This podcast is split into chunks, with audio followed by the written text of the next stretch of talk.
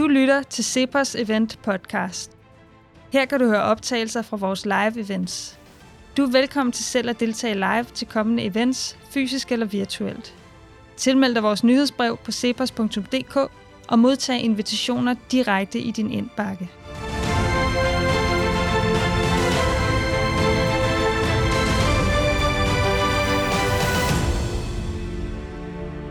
Klokken er 9, og vi skal i gang. Mit navn er Martin Aarup.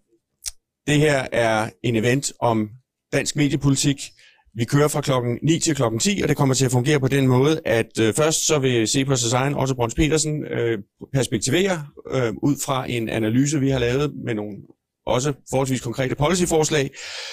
Så kommer øh, Stig Osgaard på fra øh, øh, JP Politikens Hus, og så øh, kommer et par politikere, Øh, der er medieordfører, Birgitte Bergmann, øh, som er kommet, Janne Jørgensen, der er lige på trapperne, og øh, hver oplægsholder vil, har lovet, at de kun vil tale i en 3-4 minutter. Øh, Otto får måske øh, 5, når han skal præsentere en analyse, men ikke meget mere, Otto. Øh, og øh, det betyder, at øh, der vil være tid til både pingpong og til at komme ud i salen. Øh, så vil jeg bare give ordet til Otto Brøns Petersen. Værsgo, Otto, ordet dit. Ja, tak, godmorgen. Så øh, jeg har ikke så mange problemer med at blive taget billeder af. Det er mere dem, der ser billederne, der måske kunne have et problem. Øh, jeg vil gerne starte med øh, et nedslag i øh, det, der øh, en, en rapport, der bliver lavet en gang, øh, der bliver lavet løbende af et noget, der hedder øh, et, et europæisk center for mediepluralisme og mediefrihed. Og det er sådan et forsøg, det bliver øh, øh støttet af EU-kommissionen på at sige noget om, hvordan er tilstanden i mediebranchen i de europæiske lande egentlig. Og det man kan sige om det, det er, at Danmark klarer sig generelt øh, rigtig godt. Øh, vi har ikke sådan noget med, at, øh, at, at medier, der skriver kritisk om politikerne, de bliver, de, de bliver, bliver, bliver, bliver sat i fængsel og den slags ting. Øh, så øh, Stig begynder at, at trække lidt på det, men i hvert fald ifølge den her analyse, ifølge den her analyse, så, så, ligger, så ligger vi rigtig, rigtig godt. På et område, der slår Danmark ud rødt.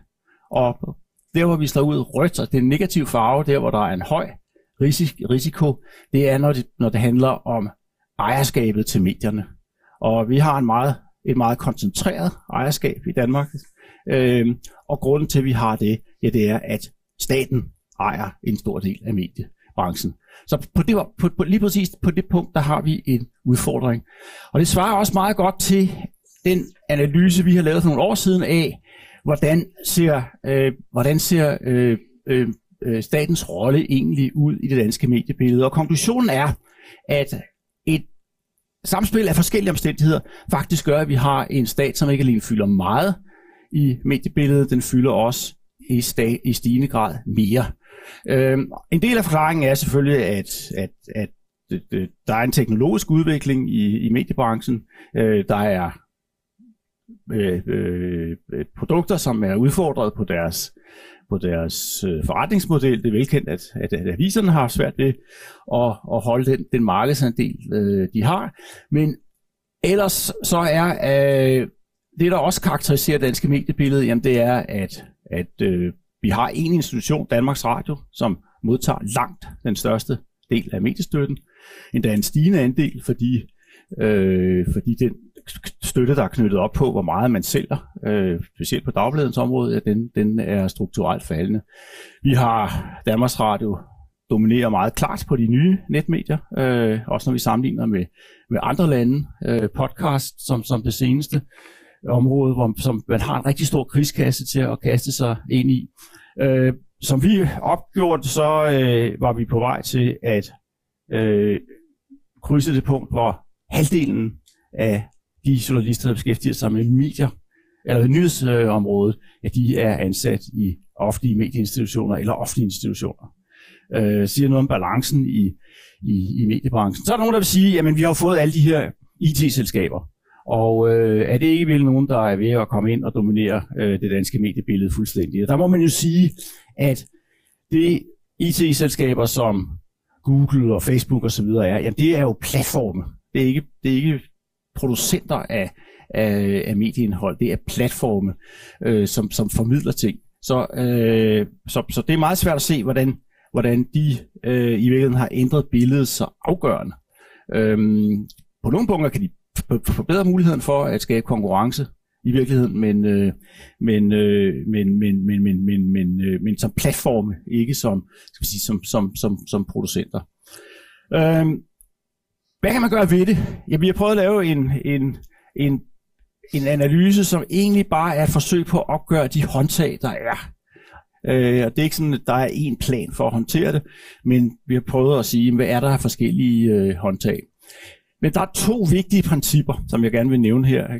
Nå, nå, nå alle, alle håndtagene igennem. Det er at sige, at hvis i det omfang, der bliver givet mest støtte, så bør det gives til øh, principper. Det skal gives ud fra nogle principper, og ikke ud for, øh, hvem der producerer det. Og det er omvendt i dag, fordi langt størstedelen af mediestøtten, den går faktisk til, til, til, til institutioner, som har udpeget og sagt, det er jer, der skal lave noget. Så bliver der, bliver der lavet nogle aftaler med dem om, hvad de skal lave, men man giver støtten i høj grad til, til, til, til, til institutioner, og ikke til typer af indhold.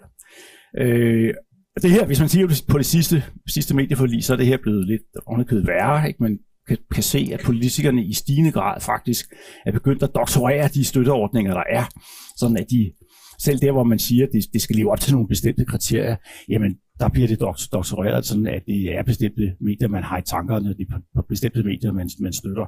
Øh, det mest ekstremt et eksempel er selvfølgelig, da man afholdt ekstraordinære øh, finanslovsforhandlinger øh, for i år for at øh, for at give støtte til et program i Danmarks Radio, som var på vej til at lukke. Der, der lavede man simpelthen en særlig aftale øh, om, at, at de skulle have lov at fortsætte. Så øh, det, det, det, det er som princip. Øh, et andet princip er altså at sige støtte indhold, bestemt typer indhold, og gøre det objektivt, i stedet for at sige gør støtte, øh, støtte bestemte typer institutioner. Øh, det andet, man kan gøre, det er, at man kan sige, at hvis, hvis man gerne vil støtte, at befolkningen har et, et, øh, medieforbrug, jamen så bør man støtte det ved at støtte øh, befolkningens køb af det øh, pågældende medieforbrug, men sådan at de selv kan afgøre, hvor de vil have det øh, henne. Øh, I stedet for, at det er øh, nogle bestemte institutioner øh, indhold, man er nødt til, til at købe. Så det er sådan de to bærende principper i, i, i, i det, vi foreslår. Og så er der en, en, en række, en række, en række øh, mere, mere konkrete forslag. Dem, de ligger i vores analyse, som gør vi kommer ind på dem her. Og så er vi øh, øh, øh, kan, kan henvise til, at den faktisk, den, den faktisk øh, findes, øh, findes på nettet. Så, og ellers til sidst bare sige, at hvis man kigger på, på budgetternes størrelse, nu lykkes det jo øh, forrige fordi for en gang skyld, skal man sige, var skære i Danmarks Radios øh, budget, men nu har der været meget tale om produktivitet i den offentlige sektor. Faktisk er det sådan, at man kigger på, på omkostningerne til at producere præcis det Danmarks Radio producerer, ja, så er, så er det jo øh, faldet voldsomt i pris. Så det vil sige, at hvis man måler det med de priser, som, som, som, som Danmarks Radio og andre rent faktisk betaler, ja, så kan de jo også producere øh, meget mere. Det hænger jo sammen med, at, at udstyr øh, til at producere tv med og, og, radio er jo blevet væsentligt billigere. Så det er også et oplagt sted at kigge på. Tak skal du have, Otto.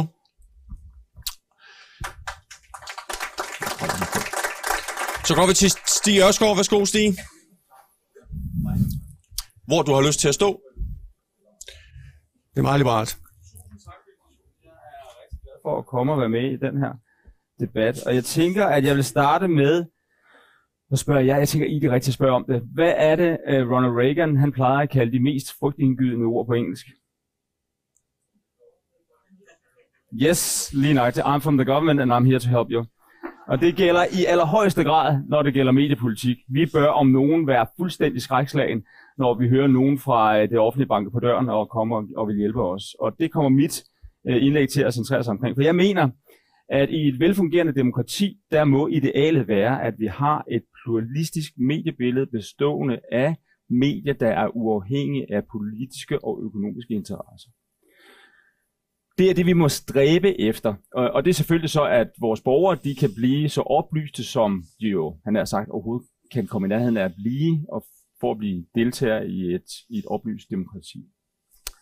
Så har vi selvfølgelig det problem i lille Danmark, at øh, vi er et lille sprogområde. Øh, vi er de der små 6 millioner mennesker. Øh, og det gør, at det er ikke nødvendigvis så nemt, øh, som vi godt kunne tænke os, at få den søjle, som Otto viste os, som var i rød, og få den i gult, eller endnu bedre i grønt. Det er et udfordring i et lille sprogområde. Det er at få stillet oplysning nok til rådighed for befolkningen, så de faktisk kan være deltagere i et oplyst demokrati. Øh, vi var faktisk ret gode til det, ikke desto mindre, hvis vi spoler tiden bare 100 år tilbage. Øh, hvis vi spoler tiden tilbage til 1923, øh, så kom den første radiovis i Danmark. Hvem lavede den? Det gjorde politikken.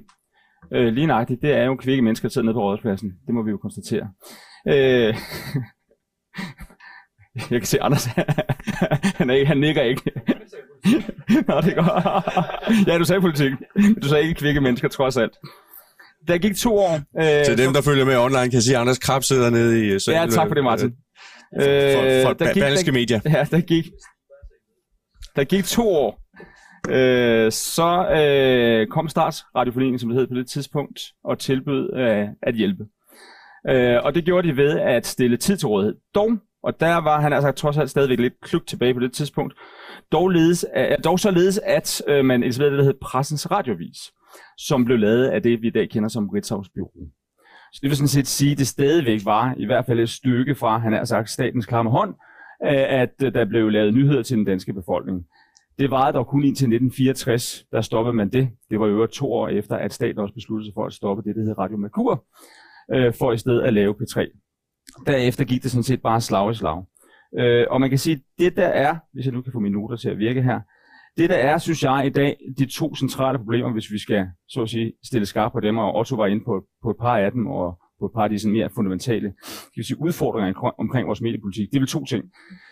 Den ene ting, det er, at vi har en meget, meget stor, ren statsfinansieret aktør på det danske, marked, danske mediemarked. Det er Danmarks Radio. De får 3,8 milliarder kroner, tror jeg det er cirka. Det går, hvad det er 3,9 i dette års budget, stillet til rådighed af staten.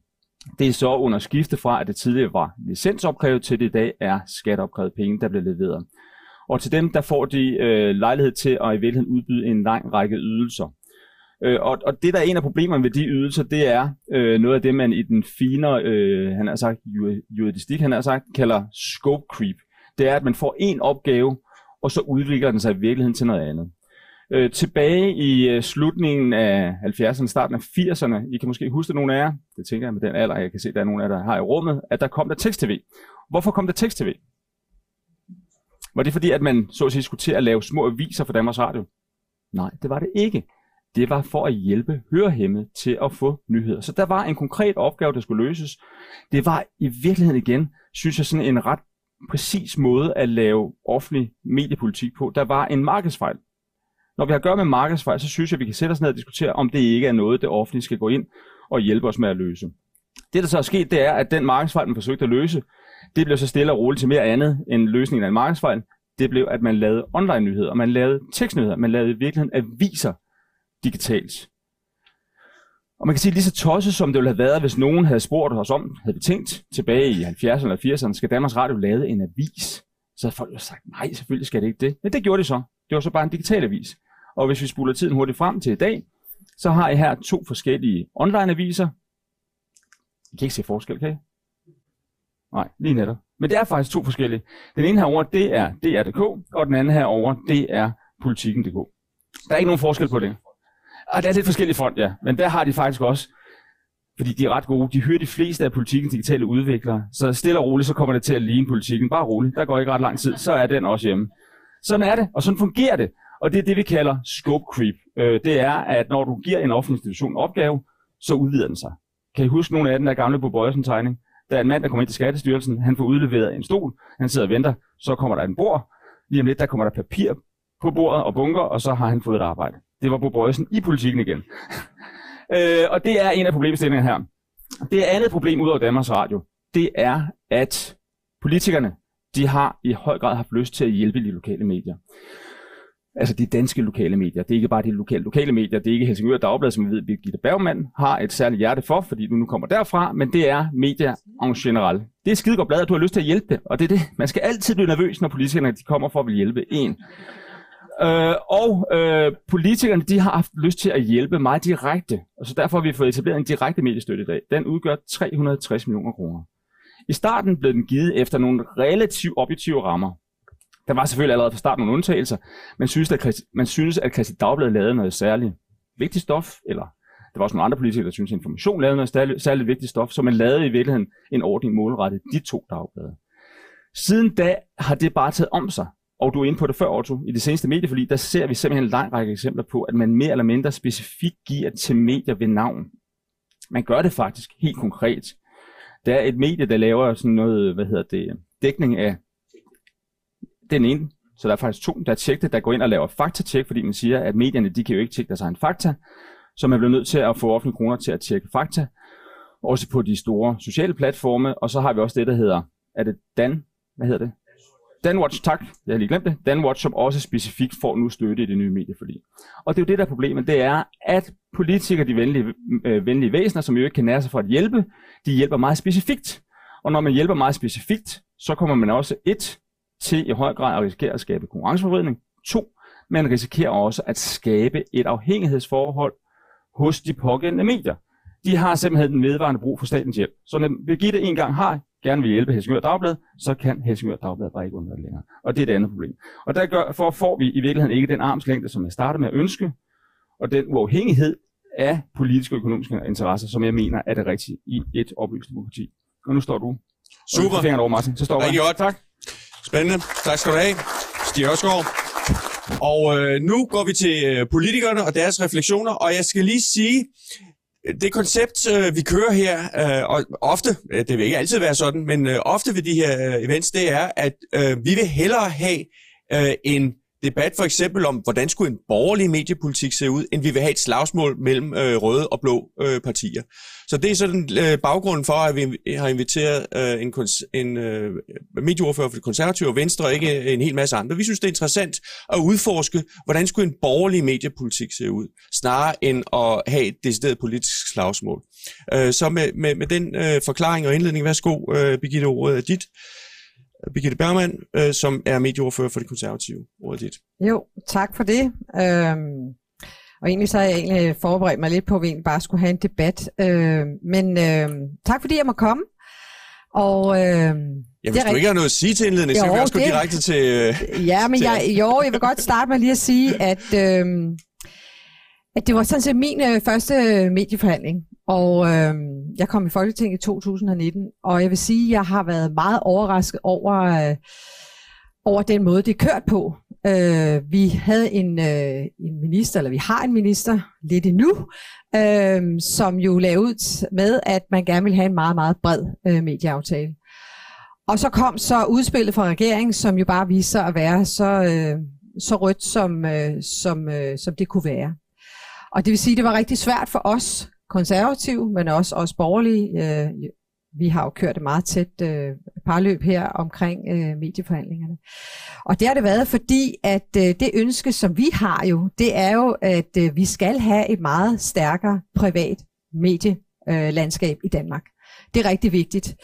Øh, det er vigtigt øh, dels for mange af de årsager, jeg har været inde på, men, men øh, vi ønsker jo at slanke Danmarks Radio for netop at få en, en bedre balance øh, over i det private øh, medie.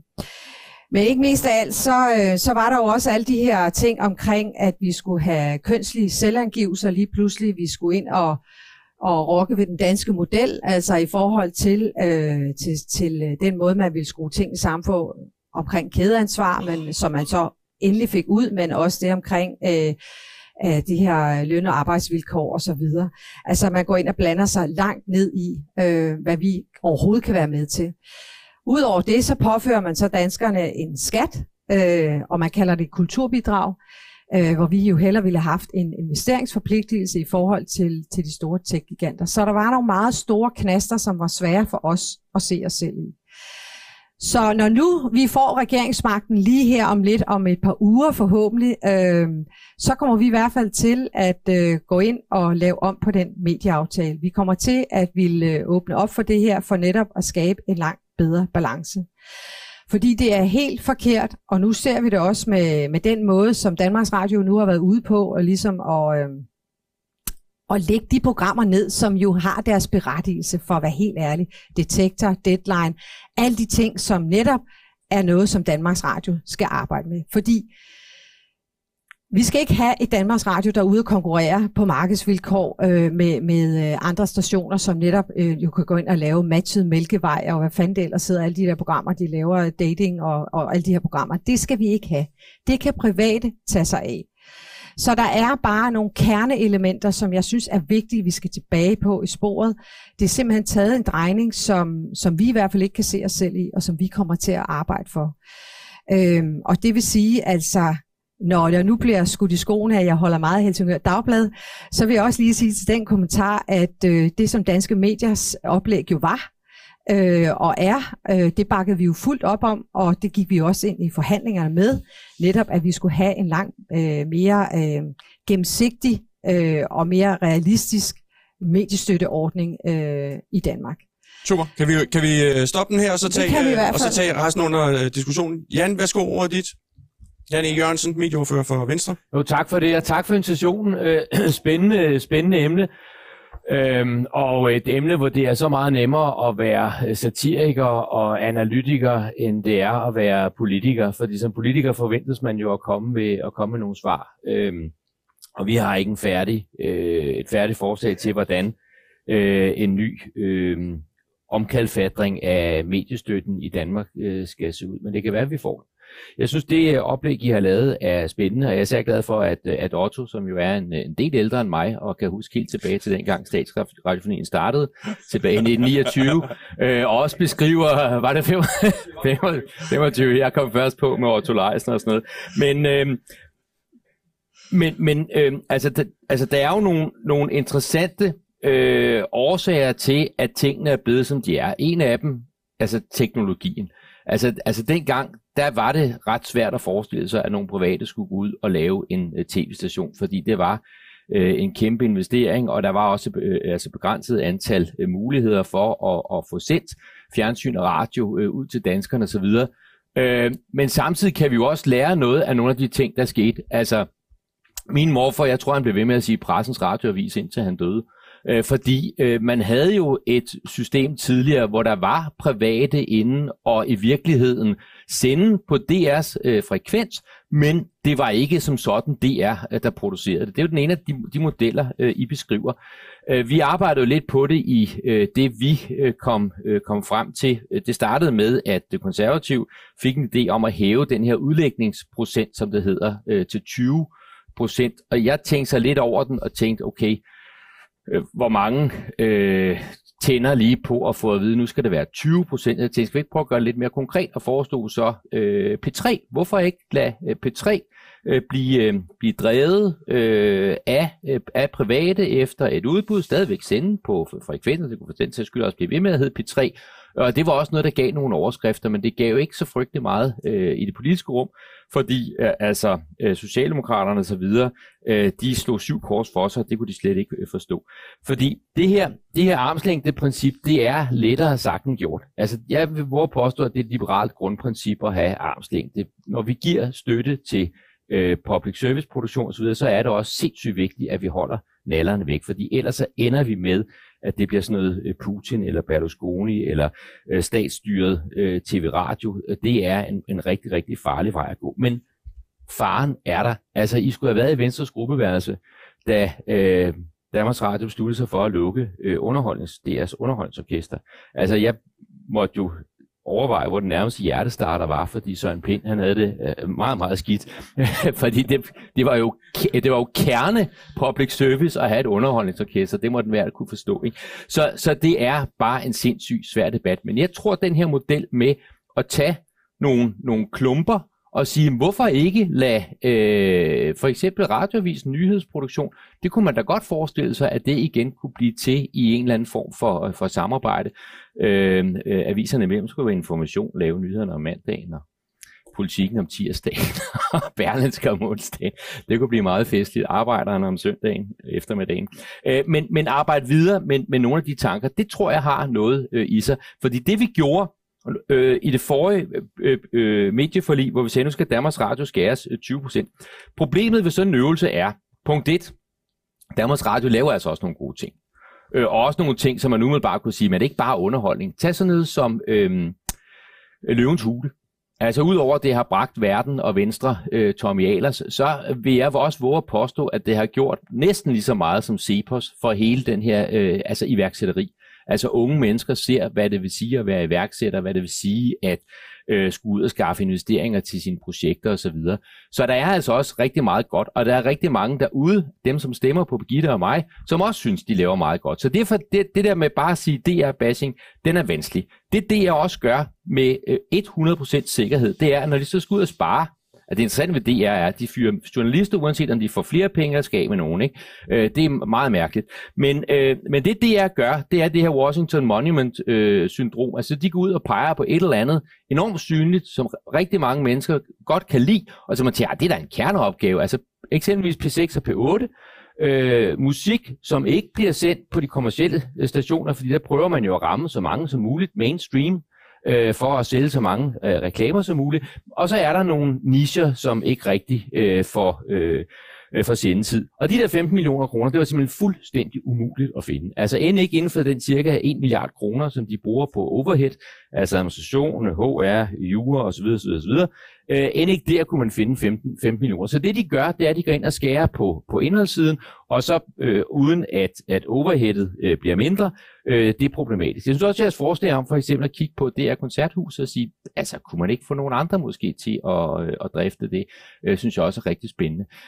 Øh, så, så det er i hvert fald noget, vi vil, øh, vi vil arbejde videre med, og så kommer vi forhåbentlig med et eller andet øh, forkromet forslag på et tidspunkt. Men hvis det forslag skal have en længere levetid end frem til næste valg, øh, så bliver det altså også nødvendigt, at vi altså ikke bilder os selv ind, at vi kan skrive det herinde øh, hos Cepos, og så øh, få det vedtaget, og så vil det leve de næste 30 år. Fordi hvis det bliver for enten i den ene eller den anden retning, så får vi ikke et forlig, der rækker ind over midten. Og det ser ud til, at vi er i en situation, hvor magten i Danmark skifter hver fire år. Og jeg kunne godt tænke mig, at vi fik noget, der var lidt mere langtidsholdbart. Og derfor skal vi prøve, tror jeg, i fællesskab, det er ikke sikkert, at det er ret, men jeg tror, at vi i fællesskab skal prøve at finde en løsning, der rækker lidt bredere hen, øh, sådan så vi i hvert fald kan få et parti med på den anden side øh, af midten, og så få lavet noget, der er lidt mere langtidsholdbart end bare det her stop and go, så får de flere penge, så skal de af med nogen, og, og der sker ikke rigtig noget sådan grundlæggende. Tak, Jan.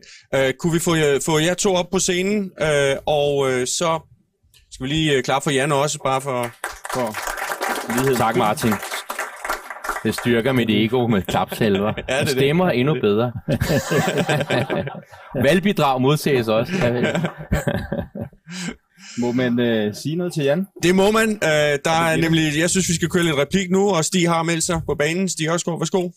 Men jeg synes i virkeligheden, det vi er vidne til her, det er, det der er min store bekymring, det er, at når politikere de får et problem, så starter de med at kigge på det og løse det, i stedet for at hæve sig op over det og spørge, hvad er det principielt på plads her? Eller øh, hvad, er det, hvad er det principielle her? Otto var inde på det. Jeg synes, det helt store spørgsmål er her. Hvis I skal blande jer i mediepolitikken, hvilket ikke er hensigtsmæssigt, eller i medierne, hvilket ikke er hensigtsmæssigt, at politikere gør. Hvorfor skal I så det? Det skal I, hvis der er markedsfejl til stede. Jeg tror, der har været markedsfejl til stede. Du var inde på det, Jan. På et tidspunkt var det simpelthen for omkostningstungt at få transmitteret både radio og tv ud til en lille befolkning som det danske. Men det har ændret sig fundamentalt. Også du nævnte det før, i forhold til det er, de teknologiske omkostninger til at producere medier, de er så små, at adgangsbarriererne til det her marked, de er minimale. Og det er rigtig, rigtig godt. Det betyder, at der popper op med nye medier i øjeblikket. Vi har set Zetland, vi har set Tong, der var en for indblik, der hilste på mig før, og jeg siger ikke, at det er storslået forretninger, men det går hurtigt. De kommer ind på markedet, og de etablerer sig. Zetland, jeg tror det er fem år siden, de kom til verden, de har i dag flere abonnenter end information. Mm. De konkurrerer direkte med information. Og det er et rigtig godt eksempel på, hvorfor det er død svært at lave mediepolitik. Mm. Information får 26 millioner kroner af staten hver år. Zetland får 3 millioner kroner af staten. De er på det samme marked, de konkurrerer om de samme kunder. Det gode nyhed det er, de kommer nemt ind på markedet. Den dårlige nyhed er, at politikerne kommer langsomt ud af markedet. Så jeg tror faktisk, at hvis vi ligesom hæver os op og spørger, hvor stor er den markedsfejl, vi forsøger at løse, så tror jeg, at den er betydeligt mindre, end den nogensinde har været før. Derfor kan vi godt sænke løse, lysten til at løse problemet med penge fra staten. Jeg siger ikke, at der ikke er ting, der skal løses. Der er ting, jeg tror, at Danmarks Radio gør godt. Børn og unge er tror jeg stadigvæk, et af de problemstillinger, man sige, der er markedet ikke helt så god til at løse den opgave, som vi godt kunne tænke os, for at danne vores børn og unge. Så der synes jeg, der er en oplagt opgave. Men jeg har faktisk svært ved at se den ret mange andre steder. Så derfor tror jeg egentlig godt, og jeg skal nok stoppe derefter, at man stille og roligt, fordi vi skal heller ikke ind og ødelægge noget, vi har været med til at bygge op, stille og roligt kan udfase meget af den mediestøtte, vi har sat i verden for at løse en markedsfejl, som ikke længere er der. Også momsfritagelsen.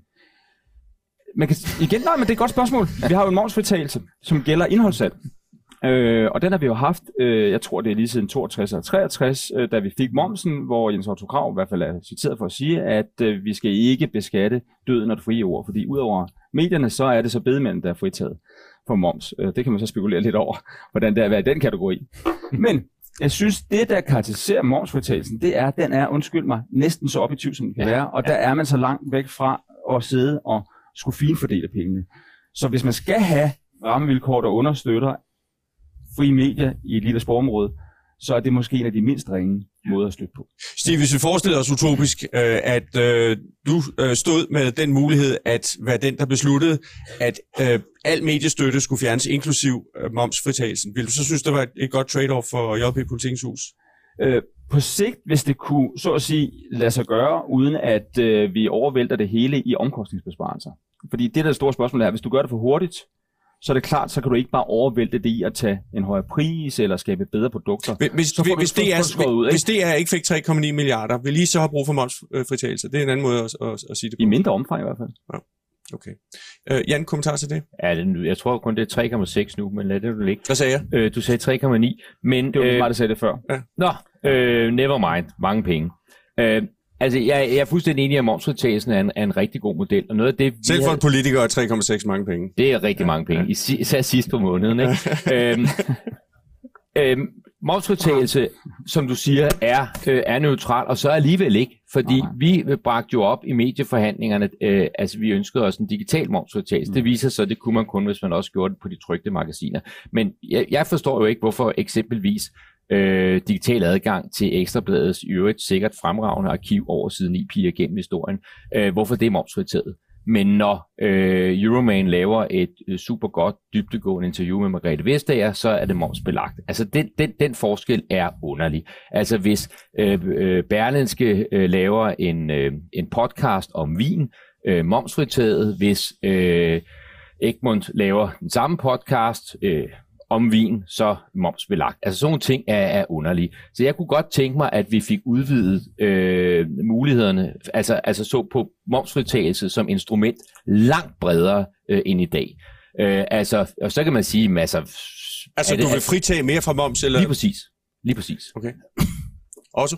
Også, også fordi, altså fordi, det, fordi det er altså det, det frie ord, men det er så neutralt. Det er så hvilke frie ord, der så får støtte. Jamen det kommer jo an på, hvor meget de sælger, hvor mange der er interesseret i deres produkt, og dermed er det, øh, Okay. er det neutralt. Ikke? Okay, og en lille replik lige præcis til Så men det så er bare lige til, til, til, til oplysning, fordi Jan har jo fat i noget, som, som er jo princippet rigtig mange andre steder. Det er, at når vi netop taler, altså, undskyld mig, lignende produkter, ikke mindst øh, det frie ord i form af bøger og Mhm. lignende, Yes. der har man jo også en momsfritagelse, netop fordi man... Nej, ikke i- på bøger. Nej, men man har i hvert fald en lavere moms. Øh, nej, ikke i Danmark, men Nej. i, øh, i andre lande. Enig. I andre lande. Øh, så, så i Danmark har vi den undtagelse, at bøger, dem pålægger vi hjertens gerne moms, men andre ting gør vi ikke. Og jeg er sådan set helt enig med Jan. Altså, der er en masse øh, steder, hvor man kan spørge sig selv, om grænsedragende er den rigtige. For der sker jo også rigtig en grænsedragning. Otto og Birgitte, hvis du har en kommentar til os. øh, nu er det jo faktisk ikke engang en momsfritagelse, det er en nulmoms.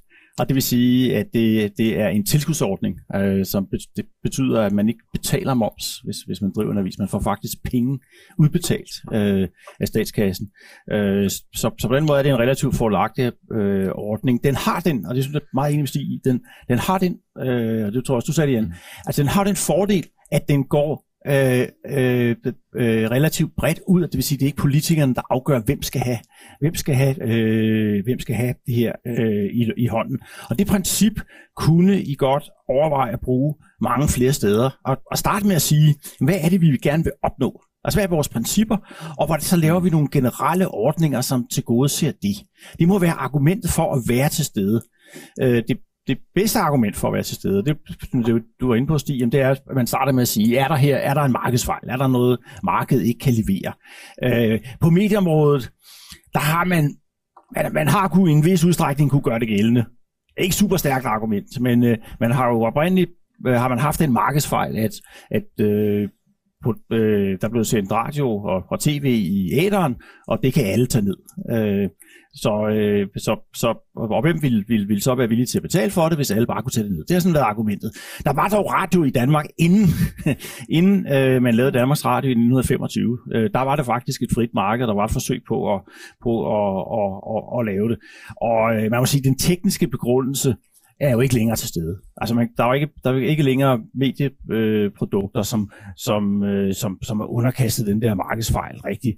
Men, men, men helt centralt, at man starter med at sige, hvad er det politisk, vi vil med det her område, i stedet for at øh, komme langt ind med, øh, med de her, som jeg tror, øh, Jørgen øh, Grøttegård Christensen sagde, at armslængden i, i dansk mediepolitik er præget af øh, uenslængdede og meget korte arme. Øh, og, og det, og det, det, det, er, det, er, det, er der, det er der, vi er. Der er brug for en frisk, ny, ny, øh, ny start. Øh, hvis ikke man bare skal, skal, skal, skal, skal træde skridtet meget videre og sige, hurtig, afvikler vi. Hurtig replik fra Birgit, så går vi øh, til salen. Jamen, det jeg bare vil sige, det var jo, altså bare lige for at komme tilbage til, så øh, da regeringen lancerede øh, hele det her medieudspil, så var det jo på baggrund og på bagtæppet af en corona, vi lige havde været igennem. Danmarks Radio var ligesom fællesnævneren for, det var der, vi, vi fandt sammen i fællessang og alle de her ting. Og så var der tech-giganterne, hele den her bullerne med, at øh, nu kommer de bravne, og de ødelægger alt øh, dansk indhold. Så det var jo sindssygt svært at bryde den mur, øh, og i øvrigt gå ind i det forhandlingsrum, for jeg skal love for, at vi har jo forhandlet i fire til seks måneder på det her.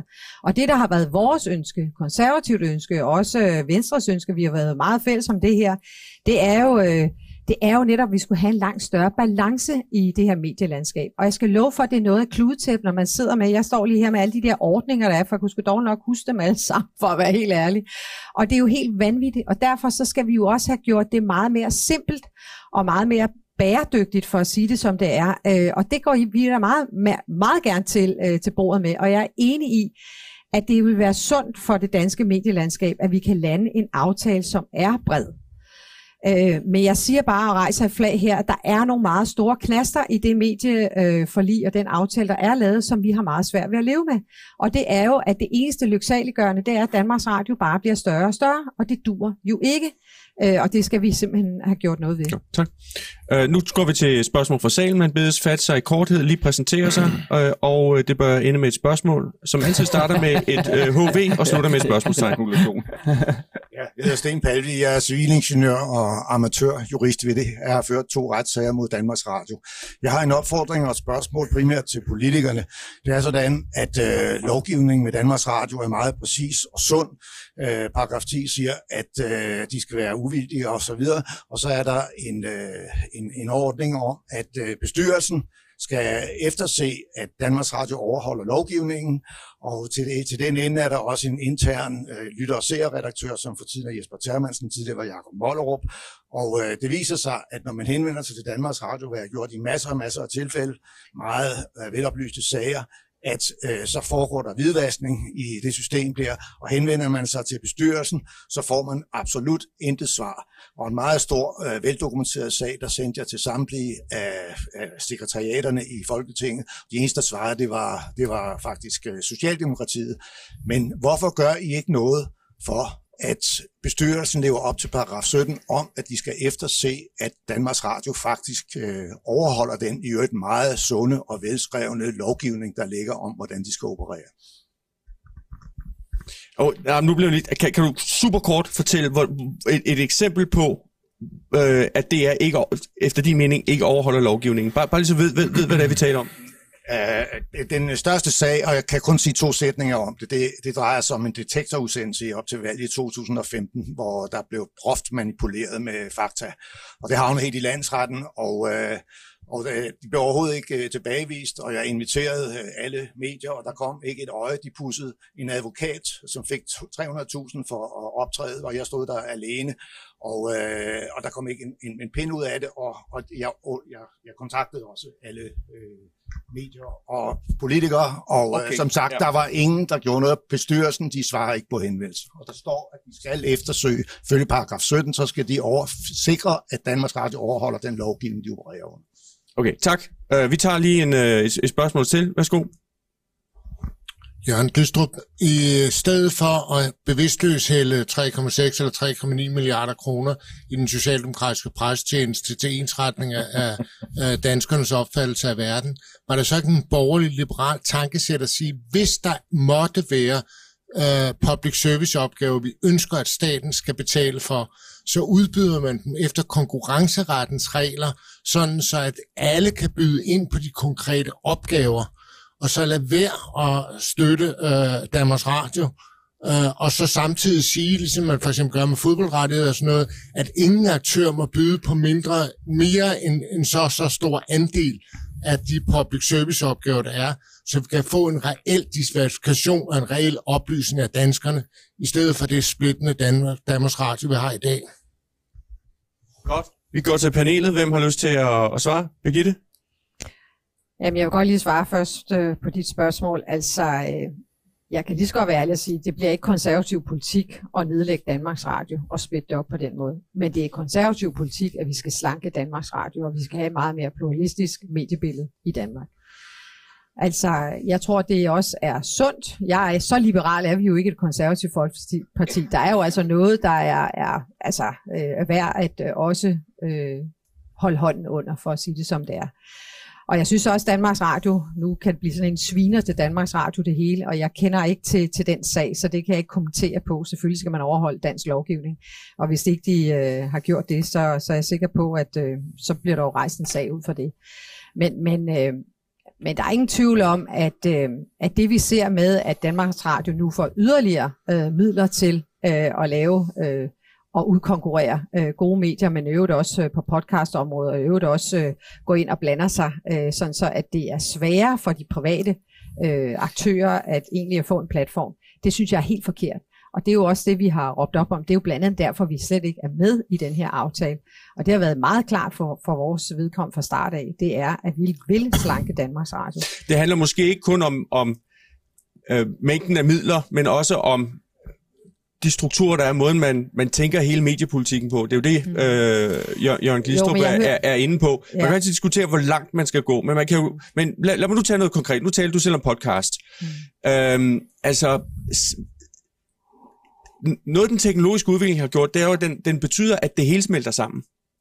Øh, Berlingske Tidene har en nyhedspodcast, der hedder Pilestræde. Politikken har en, der hedder... Øh, du, du, taler med politikken. Du, du lytter til politikken. Øh, og øh, Den Uafhængige har en nyhedspodcast, der øh, minder om, om P1 Morgen og så videre. Hvor, hvorfor skal det egentlig være sådan, at hvis man går ind på DR Lyd, så kan man ikke få Pilestræde, hvis Berlingske skulle ønske, at den lå der? Hvorfor skal DR være proprietary og bestemme, at det kun er, er, er, er programmer optaget af DR, der skal bringes der? Øh, for nu at nævne én ting. Øh, kunne man også forestille sig, at hvis øh, andre end DR gerne vil lave en portal øh, med for eksempel nyhedsprogrammer, at så kunne de få lov til at, at blandt andet have DR's programmer liggende der. Hvorfor skal DR have, have ejerskab til, at det skal være på deres egen platform, og sådan nogle ting skal ligge? Det kunne jeg godt tænke mig at høre medieordførende på. Mm. Er, er I åbne over for at tænke over sådan nogle ting, og så skal vi nok, nok gå til sti bagefter? Øh, øh, Jan først, ja. Ja, eller omvendt. Altså, ja. hvorfor ligger uh, øh, DR Lyds podcast ikke på uh, Podimo og hvad de alle sammen hedder? Altså, den vej kunne man jo det også... Det, også. Uh, det gør de også? Det gør de også. Nå, okay. Det, nå, så, et valgløfte indfriet.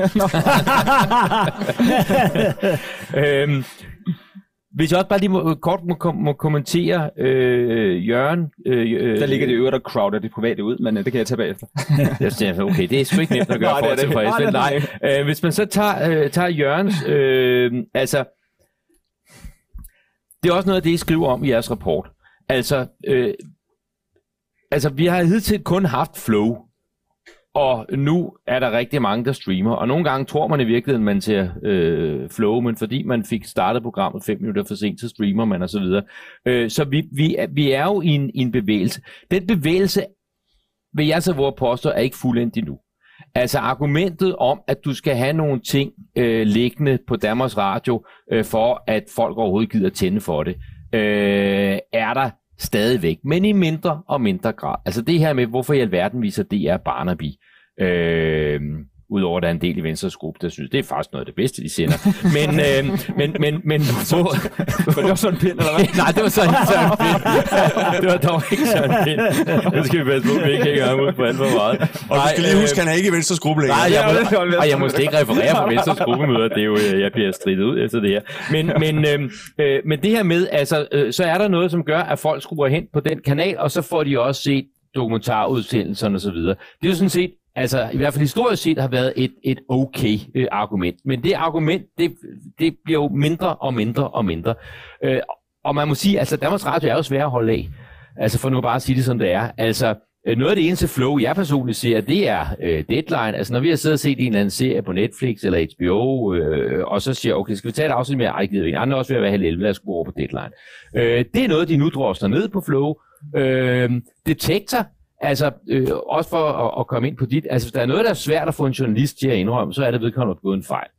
Øh, og det, jeg ved ikke, det er sådan en branchesygdom. Og, og øh, samtidig så er I utrolig lidt villige til at kontrollere hinandens nyheder, fordi uha, der er sådan en eller anden, øh, lidt ligesom politiet i Baltimore og sådan noget, ikke? Altså man holder, hånd, man holder hånden over, man holder hånden over hinanden, ikke?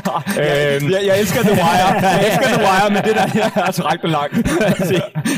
Jamen, helt ærligt, helt ærligt. Jo, hvis, hvis, hvis de har skrevet Janne Jørgensen parentes K, så kan man godt få dem til at skrive, at han er altså for venstre. Men ellers er det stort set umuligt at få, øh, at få journalister til at, at, at erkende fejl. Det er virkelig... Men det er jo heller ikke rigtigt, det detektor gør. Det, det, detektor hænger alle mulige andre ud end deres Detektor hænger, ikke? lige præcis, det var ja. det, der var min pointe. Detektor hælder alle mulige andre ud end pressen, og at sidde og se presselogen om søndagen, det er jo, altså, det er jo helt vildt. Siger, ja, men det er jo også svært at holde hånden over hinanden, og, og, og så videre. Altså, det var da virkelig en kerneopgave øh, for, for DR, at gå ind og tjekke fejl. Altså, for at, være, og, og, og, og gå op mod alt det, altså fake news, der er derude, øh, i alle mulige sammenhænge. Og det er noget, man så, man så lukker, ikke? Så øh, fordi man vil satse på, øh, på det digitale, altså jeg troede, at det digitale gjorde, at det blev billigere at lave øh, nyheder, men i virkeligheden, så, når man vil være digital, så skal man bruge endnu flere penge på koder og Det så bliver videre, billigere, hvis så man er konkurrenceudsat, Jan. Det er sådan, det fungerer. Det bliver ikke billigere, hvis man ikke er Nej, konkurrenceudsat. præcis. Enig. Hvis man- Så hver år får flere milliarder, så bliver Ja, det dyrere og dyrere. Præcis. Øh, Stig, Jamen, altså, vi, vi vender jo hele tiden tilbage til det, uden at sige det højt. Øh, Jan siger det igen. Du bruger ikke Danmarks Radio. Hvorfor gør du ikke det? det Jo, jo, jo, det nej, jeg. nej, men du ser, at du bruger det mindre og mindre, og det er sådan set på mange måder godt. Øh, også for dig, tror jeg.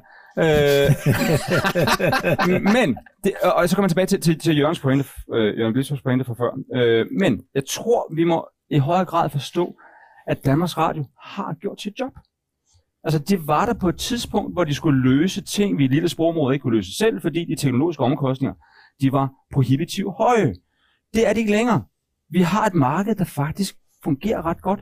Der kommer podcast fra højre og venstre, op og nede, Men de tjener kommer- ingen penge.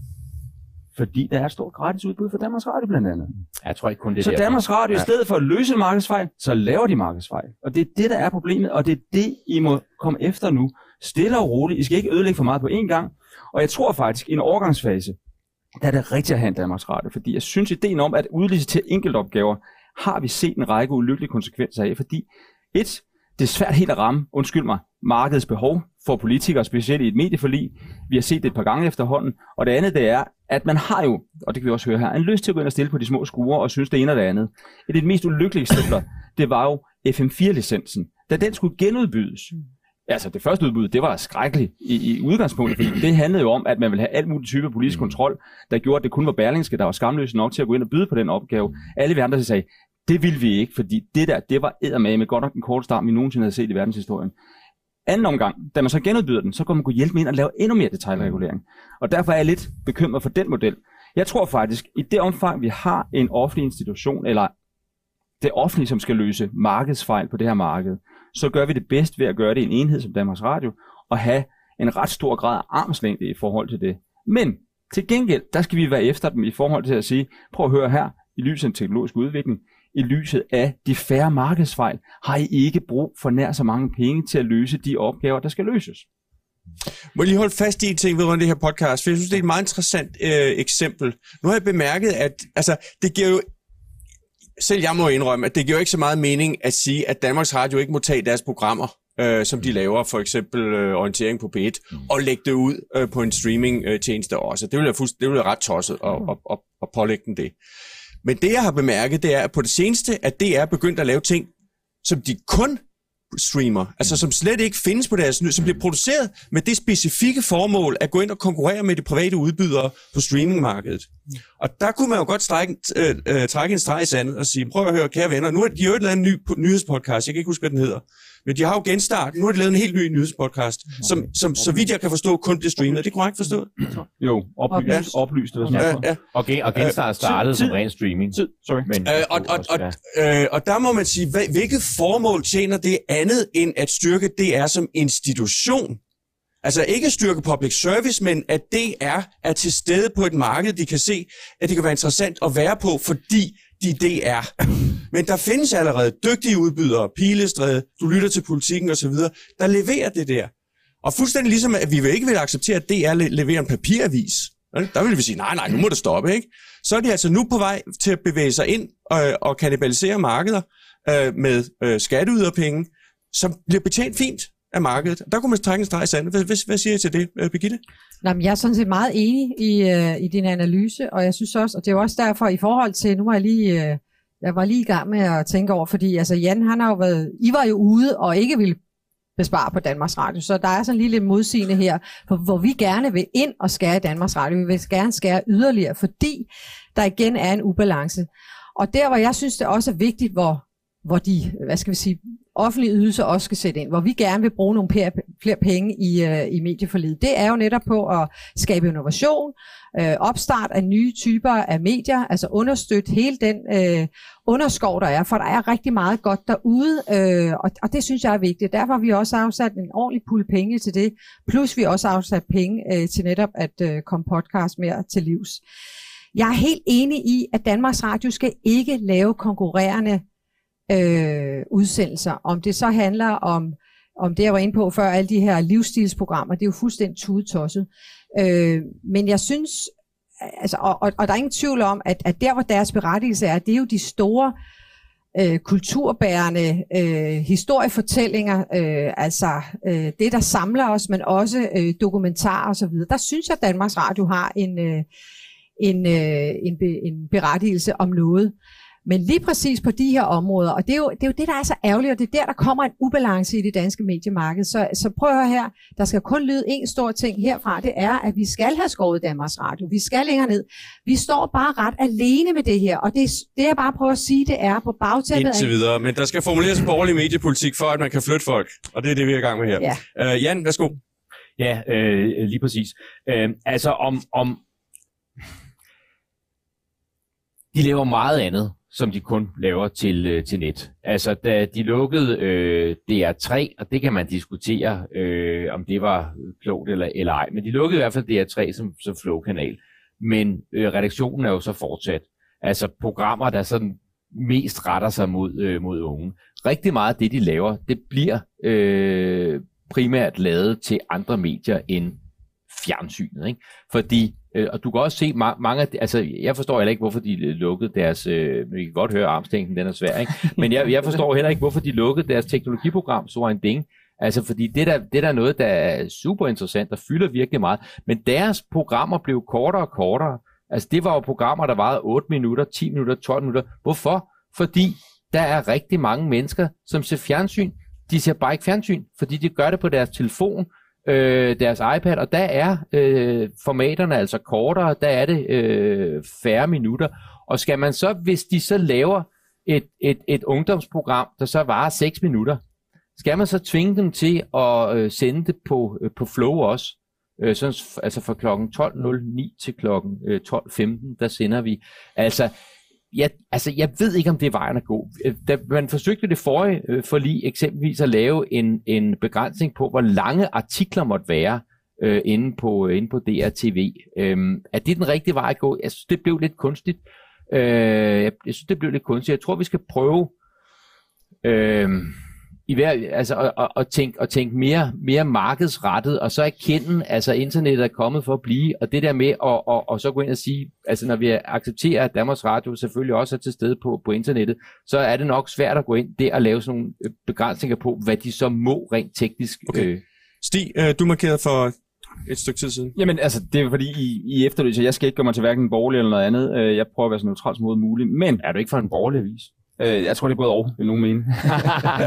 Politik? Ja, det er det. Ja, altså, Ja, det er det ikke. Og jeg har meget armslængde i min lille butik, så jeg har slet ikke øh, in- involveret i, i de enkelte aviser. Men øh, jeg tror sådan set, at netop fordi, undskyld mig, altså DR's opgave er i høj grad udtjent. I kan godt stille og roligt begynde at definere mere præcist og sige, hvor er det, I vil have DR til at løse den opgave, I vil bruge alle de her penge på.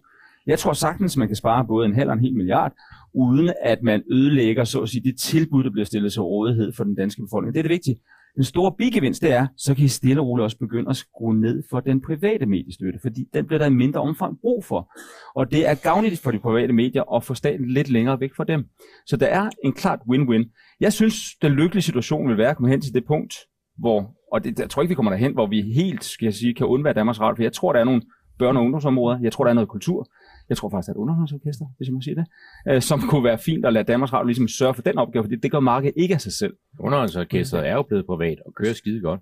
Okay, Det er meget bedre, Ja, ja, det var Ja. symfoniorkestret, ja. Godt. så. Øh, Øh, men, men for lige at gøre den færdig, og så sige, der hvor vi har fokus, hvis vi overhovedet skal have offentlige kroner til stede i det her marked, det er at stille dem til rådighed som risikovillig kapital i tidsbegrænsede perioder. Øh, Mikkel Andersen kontrast. Øh, det jeg måske godt kunne tænke mig at anfægte en lille smule, det er den her store veneration for armslængdeprincippet, fordi uanset hvordan man vender og drejer det, så er det store problem med Danmarks Radio i en eller anden udstrækning, at der er sådan en cirkelslutning, hvor alt, hvad der bliver sendt på Danmarks Radio, er public service. Public service er godt, og derfor er det, der bliver lavet på Danmarks Radio, godt. Mm. Altså, så det vil sige, at vi har en aktør, der dybest set for hovedkanalens vedkommende, den koster ifølge deres egen tal 1,5 milliarder om året, den er de facto en kommersiel aktør i dag. Der er ikke noget, der ikke kunne laves på markedsvilkår. Jeg er klar over, at vi alle sammen har programmer, som man godt kan lide. Det kunne være Løvens Hule. Jeg synes, Bagdysten er meget sjov. Men det gør det jo ikke til et kommercielt Altså det gør det jo ikke til, eller hvad kan man sige, det gør det jo ikke til public service. Og problemet er, hvis vi ikke laver den afgrænsning, som Stig også taler om, altså hvor man går ind og siger kirkestof, kultur, måske taleradio, måske dyre dokumentar, måske børneunderholdning og måske meget research-tung, øh, hvad kan man sige, indhold, det er det, som vi definerer som public service. Så vil det jo altid lave det her mission creep, som, som hvad det hedder, Stig også nævner, hvor vi går ind og ser, jamen pludselig så laver de en nyhedstjeneste på web, og pludselig så går de ind og, og begynder at konkurrere. Altså det ironiske er jo, at de skal orientering, som er noget unikt public service. De har faktisk udenrigsdækning, som næsten ingen private aktør har råd til længere. Og så til fordel går de ud og begynder at lave podcast, som er det, som blandt andet øh, Podimo og alle mulige andre har investeret millioner i. Så kan man ikke på en eller anden måde sige, at det, som bliver politikernes opdrag, er at gå ind og sige, prøv at høre, I skal ikke lave bagedyst, I skal ikke lave gameshows, I skal ikke lave guld i købstederne og alt muligt andet. I skal faktisk lave et meget snævert defineret indholdsrum, som er det marked, det kan klare. Og før man gør det, så bliver det vel umuligt at gøre noget ved det. Og det bliver desværre det sidste spørgsmål, selvom jeg ved, jeg kan se, at der er andre, der markerer, fordi Og jeg bliver burde have nævnt inden- som et af de klokken 10. andre gode eksempler. Så en, øh, en hurtig afrunding, og vi starter her. Det skal være ret hurtigt, hvis vi skal nå igennem jer, jer alle fire. Værsgo, men gerne med svar til Mikkel først, og så en afrunding. Jamen, jeg vil bare sige, at, at jeg fornemmer, at der er meget stor enighed i her i, i, øh, i salen, og, og med os, øh, der egentlig også står heroppe. Altså, der er ingen tvivl om, at DR skal jo ikke være et uh, skattefinansieret Netflix. Altså, det er helt sikkert. Øh, og der er ingen tvivl om, at vi jo gerne ser en, en langt større øh, besparelse på Danmarks Radio. Det er vigtigt, og jeg synes, du er inde på en, en meget god pointe. Øh, det kan være svært at gå ud og kommunikere og lige sige, at det er de programmer, vi skal fjerne, men i vores mediepolitik, den konservative mediepolitik, der står helt specifikt, hvad det er, Danmarks Radio skal tage sig af. Så de programmer, som kan leve på markedsvilkår, det skal Danmarks Radio holde nallerne væk fra. Stig? Nå, men øh, igen, jeg burde også have nævnt øh, kontrast som et godt eksempel på, at der kommer virkelig stærke medier ind på markedet i øjeblikket. Men hvis jeg skulle sige én ting lige nu, så vil jeg virkelig råde jer til, hvis I skal blandes ind i et medieforlig inden længe, det er, træk vejret, lad være med at lave det hurtigt, få undersøgt det her marked i dybden, få undersøgt, hvad det egentlig er for nogle markedsfejl, I gerne vil løse, og få en forståelse af, at den teknologiske udvikling, I har set, den løser meget af det, I tror, I løser med at kaste flere penge efter de private medier og efter Danmarks Radio. I vil opdage, undskyld mig, markedet fungerer bedre, end jeg tror. Jan?